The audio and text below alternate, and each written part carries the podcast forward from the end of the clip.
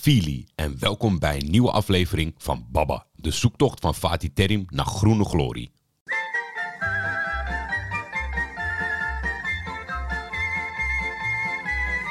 Eerst heb ik te horen gekregen toen ik hier kwam. Hier gaat het alleen maar om winnen in dit land. Dat was de kritiek omdat ik te veel aandacht aan goed voetbal besteedde vorig jaar.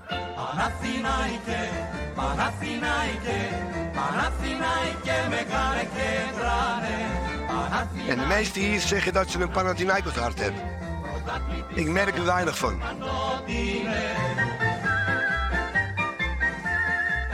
De enige die mij bij deze club weg kan sturen...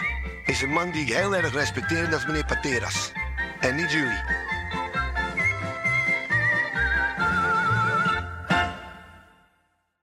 En die zoektocht verloopt op rolletjes. Straks alles over de wedstrijd, maar met alle overige resultaten van vandaag is de koppositie na drie speelronden terugveroverd van PAOK Saloniki. Fatih Terim voerde heel veel wissels door voor het duel met Panatolikos. Ik ben er nog steeds niet helemaal achter of dit te maken heeft met het drukke programma of dat hij gewoon praktisch iedereen een eerlijke kans wilt geven. Maar het heeft mij niet veel wijzer gemaakt. Op één positie na dan, denk ik, vond ik de vervangers van vergelijkbare kwaliteit als zijn concurrent in het voorgaande duel. De wissels die hij doorvoerde waren de keeper Brignoli, daar stond dit keer Lodigin. Op de linksbackpositie, de vorige keer goed spelende Mladenovic moest op de bank zitten en daarvoor kwam de ervaren Spanjaard Juan Car in de opstelling.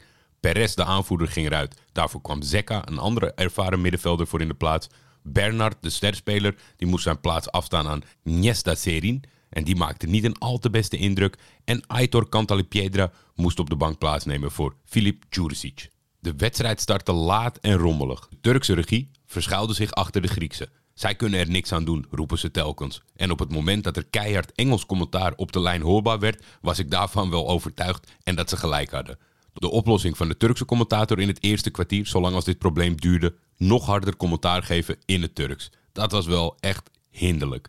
Na een minuut had ik al een hekel aan de tegenstander. Dat had niks te maken met hun foeilelijke blauw-gele tenue of hun stupide bijnaam de Canaries, maar alles met ex-Panathinaikos-speler Charalampos Mavrias, de bijna 30-jarige linksback die zo'n 80 wedstrijden speelde in het verleden voor de tegenstander van vandaag en in de kleedkamer al had besloten om alles en iedereen proberen een oor aan te naaien.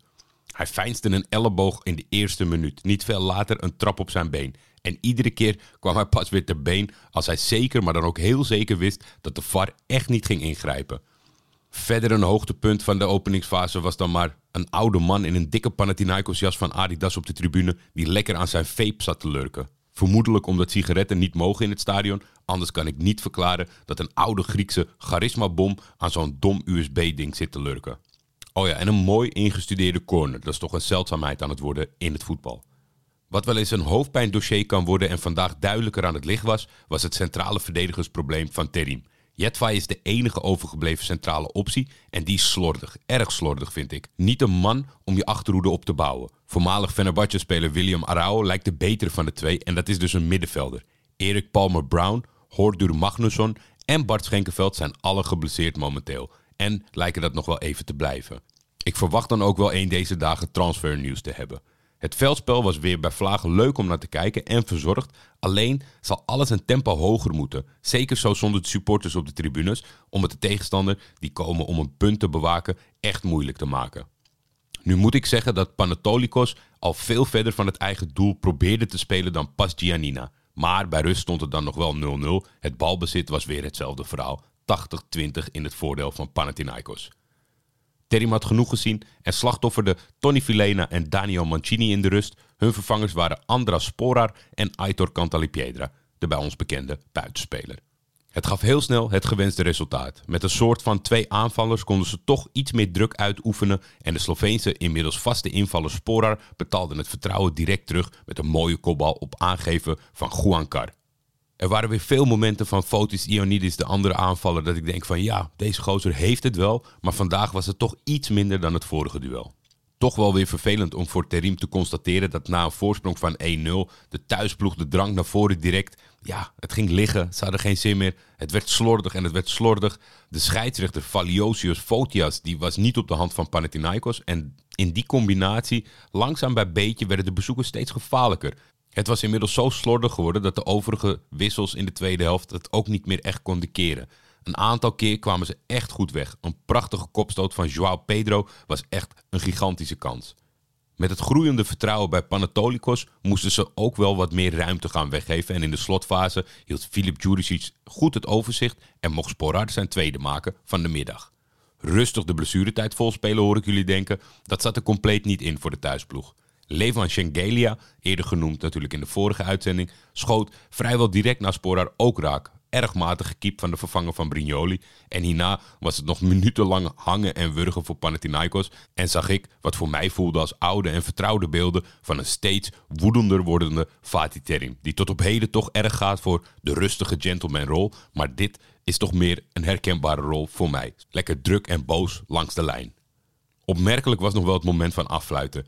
Keeper Lodigin was lekker aan het treuzelen na twee gevaarlijke vrije trappen van de bezoekers toen de scheidsrechter het welletjes vond. Tijdens het verplaatsen van de bal om hem te nemen van de rechter 5 meter, ja, dat hij toch besloot om hem via links te gaan nemen. Uh, hij liet hem niet eens nemen. Hij floot af en het was gespeeld. En zo kon de gebalde vuist voor de tweede keer van Fatih Terim omhoog, samen met zijn gehele Turkse staf. En waren de volgende drie punten binnen voor de Groenen. En het goede nieuws van de overige velden moest toen nog komen. Dan naar aanleiding van de vorige aflevering. Een rectificatie. Ja, hij was al meteen binnen in aflevering 1. Als je hoort van wie die komt, dan weet je meteen waar het mee te maken hebben. Het was namelijk George Grol. Die zat te klapperen met zijn oren toen ik weer eens onwaarheden aan het verkondigen was. Er heeft namelijk wel een Nederlander gespeeld bij de tegenstander van Panathinaikos vandaag. Panatolikos. En het is dan ook niemand minder dan Leandro Capel.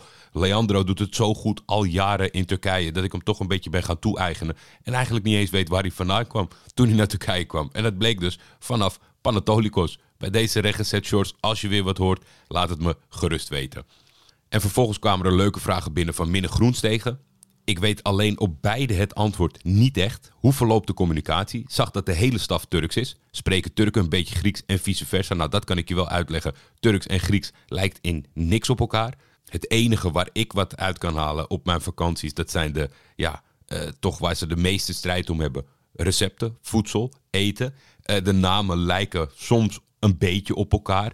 Maar ook weer niet per definitie bij alles. De taal is echt volkomen anders. En ik, ik merk ook echt dat het een soort van breinblokkade is. Want ik probeer natuurlijk op basis van de spelersnamen in combinatie met wat er op het shirt staat of wat er in beeld komt, probeer het uit te pluizen. Maar ook omdat ze ja, uh, voor ons letters gebruiken die bij ons een andere functie hebben. Een P is een R. Ja, dat, je brein blokkeert zo wat als je het probeert uit te pluizen. Dus in niks lijkt het op elkaar. Uh, een van de stafleden die mee is, is. Dat is de tolk geweest, jarenlang. Mini Mourinho noemden ze hem. Op een gegeven moment zat hij toch wel echt dicht uh, op de stoel van Fatih Terim. Omdat hij natuurlijk ook tijdens wedstrijden, tijdens besprekingen alles moest doen. Die beheerst in ieder geval heel veel talen. Het is natuurlijk ook niet per definitie een hele Griekse spelersgroep. Dus ik denk dat ze ja, toch een beetje Spaans, Engels, dat ze daarmee proberen te doen. Als je kijkt naar de aanstellingen van trainers de afgelopen jaren bij de Griekse topclubs, denk ik over het algemeen dat dat wel moet werken. In Turkije is het iets meer Turks, moet ik zeggen. In, zoals de volgende tegenstander, die heeft bijvoorbeeld al jaren of Spaanse of Portugese trainers. Nou ja, qua taal ligt dat ook niet zo bij elkaar. Maar het zijn ook hele internationale selecties. Dus ik ga ervan uit dat het uiteindelijk wel goed komt. Maar het is niet zo minder dat omdat je Turks spreekt, dat je een beetje mee kan komen met Grieks. En daar ondervind ik momenteel alle problemen zelf van. Zijn tweede vraag was: krijgen we binnenkort een interviewtje met aanvoerder Bart Schenkenveld? Als hij in jouw Rolodex staat, uh, Minne, laat het me weten. Dan neem ik contact met hem op. Hij is geblesseerd. Hij is volgens mij een van de drie die wel nog binnen afzienbare tijd kan terugkeren. Dus als ik snel ben, wie weet heeft hij zin om met uh, mij te kletsen over zijn avontuur in Griekenland. Zoals altijd heel fijn, luisteraarsinteracties. We komen natuurlijk ook zo meteen met, met voice notes en op andere manieren en interviews. En dat ik, ja, het is pas aflevering 2. Maar ja, voel je vrij om te vragen. En dat hoeft ook echt niet per se verbonden te zijn aan Panathinaikos. Als het maar wel met Griekenland te maken heeft, dan komt het goed. Dus doe dat. Dat vind ik alleen maar leuk. En ik denk de luisteraars ook. Dan wat feiten over deze speelronde. Hij is bijna afgelopen. Op het moment dat jullie luisteren is er vanavond nog één duel. Dat is Ovi Kreta tegen Paslamia. Paslamia dat vorige week natuurlijk verraste met een 1-0 overwinning op Olympiakos. Uh, eerst de uitslagen die er voor Panathinaikos niet zoveel toe deden. Volos die verloor thuis van Artromitos met 1-2. Panseraikos die speelde thuis gelijk tegen Kifisias, de nieuwe nummer laatst, 1-1. Want Pastianina wist te winnen deze week van Asteras Tripoli, die vorige week nog een prachtige comeback hadden tegen het vandaag stuntende Aris Saloniki. Want Aris, en dat is wel belangrijk voor Panathinaikos, die wist de derby van Saloniki te winnen van PAOK met 2-1. En daar keek ik toch wel van op. Ik heb de kraker tussen Aris en PAOK niet kunnen zien. In Griekenland werkt het zo dat ze twee betaalzenders hebben. De ene zender heeft een contract met zes ploegen, waaronder de ploegen Saloniki. En de andere hebben een contract met de overige acht ploegen. En de mogelijkheden voor mij om de wedstrijden van de zes ploegen te zien, de thuiswedstrijden in dit geval, uh, die zijn voor mij wat moeilijker uh, om, uh, om te bekijken. Maar ook daar zullen we op termijn natuurlijk een, een oplossing voor vinden. Wel heb ik gekeken een groot stuk van de kraker van de avond. Olympiakos tegen AEK Athene. Een 1-2 overwinning voor AEK. En hier kan ik een beetje ook de volgende tegenstander van Panathinaikos mee combineren. Want hetgene wat ik zag is toch dat ja, is Piraeus niet meer wat dat betreft uh, Olympiakos.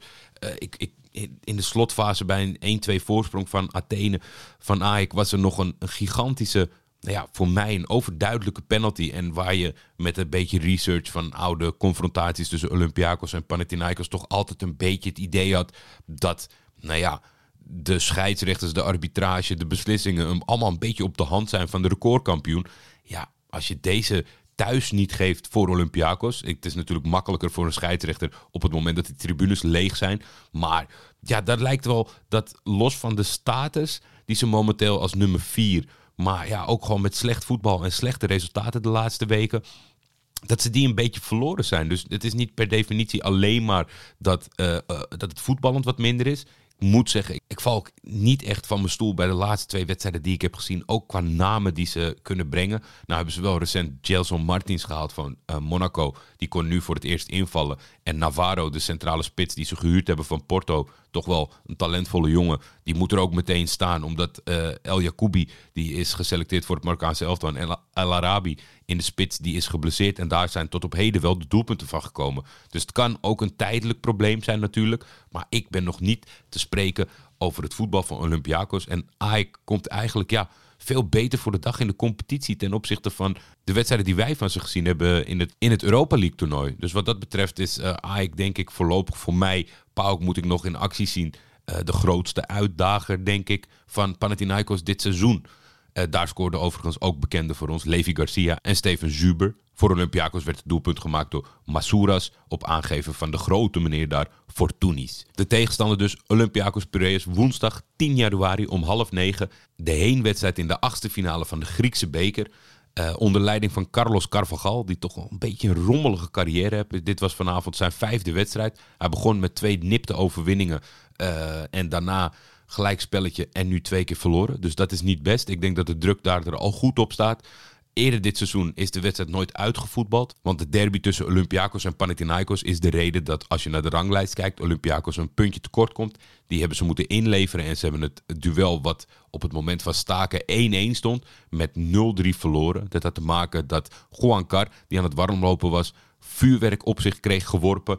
En um, ja, het is, het is slecht te zien op de beelden. En Panathinaikos heeft van het moment gebruik gemaakt om te zeggen van wij voetballen niet verder. En dat is nogal een beslissing in zo'n bomvolle arena. maar met de historie van die twee natuurlijk een begrijpelijke keuze. Je moet zo'n tegenstander niet de kans geven. Het is een hele dure geworden. Olympiakos vecht het nog aan. Ik denk niet dat ze gelijkgesteld zullen worden. Want het was overduidelijk dat er iets was geworpen naar de spelers en daarna. En ik denk niet dat het van belang moet zijn of er nou daadwerkelijk schade aan Juan Car was of niet fysiek. Dus een kraker, maar ja, wel een kraker in een leeg stadion. Het kan natuurlijk makkelijk afgedaan worden als een voordeel voor Panathinaikos dat ze niet in die ja, befaamde heksenketel, ik zal het woord maar gebruiken een keertje, moeten gaan spelen. Aan de andere kant denk ik dat het voor geen enkele voetballer, voor geen enkele situatie in je voordeel is om in een leeg stadion te voetballen. Ze hebben nu twee keer tegen een hele laag geclasseerde ploeg gespeeld en dan zie je hoe moeilijk het is. Want ik denk in, in een vol stadion, in een vol thuisstadion voor Panathinaikos hadden ze deze ploegen wel met meer doelpuntenverschil kunnen oprollen. Al met al staat het er goed voor. We hebben een midweekse onderbreking voor de beker. En daarna aankomend weekend wordt het een kraker. Een uitwedstrijd, niet te ver, tegen AEK. Ik heb in ieder geval zin in de aankomende duels. En stuur ze in, hè. Heb jij ooit een wedstrijd in Griekenland bezocht? Wil je iets weten over een ploeg? Heb jij een onverklaarbare liefde voor doxa-drama's? Heb je een topidee voor een nieuwe rubriek? Ik heb jullie nodig, fijne vrienden. tijdens dit avontuur. Dank en ik spreek jullie donderdag. Baba is een Schietvogeltje Media Original. De intro's van de legendarische Jacco den Hertog. Voor commerciële vragen kun je altijd mailen naar schietvogeltjemedia.gmail.com.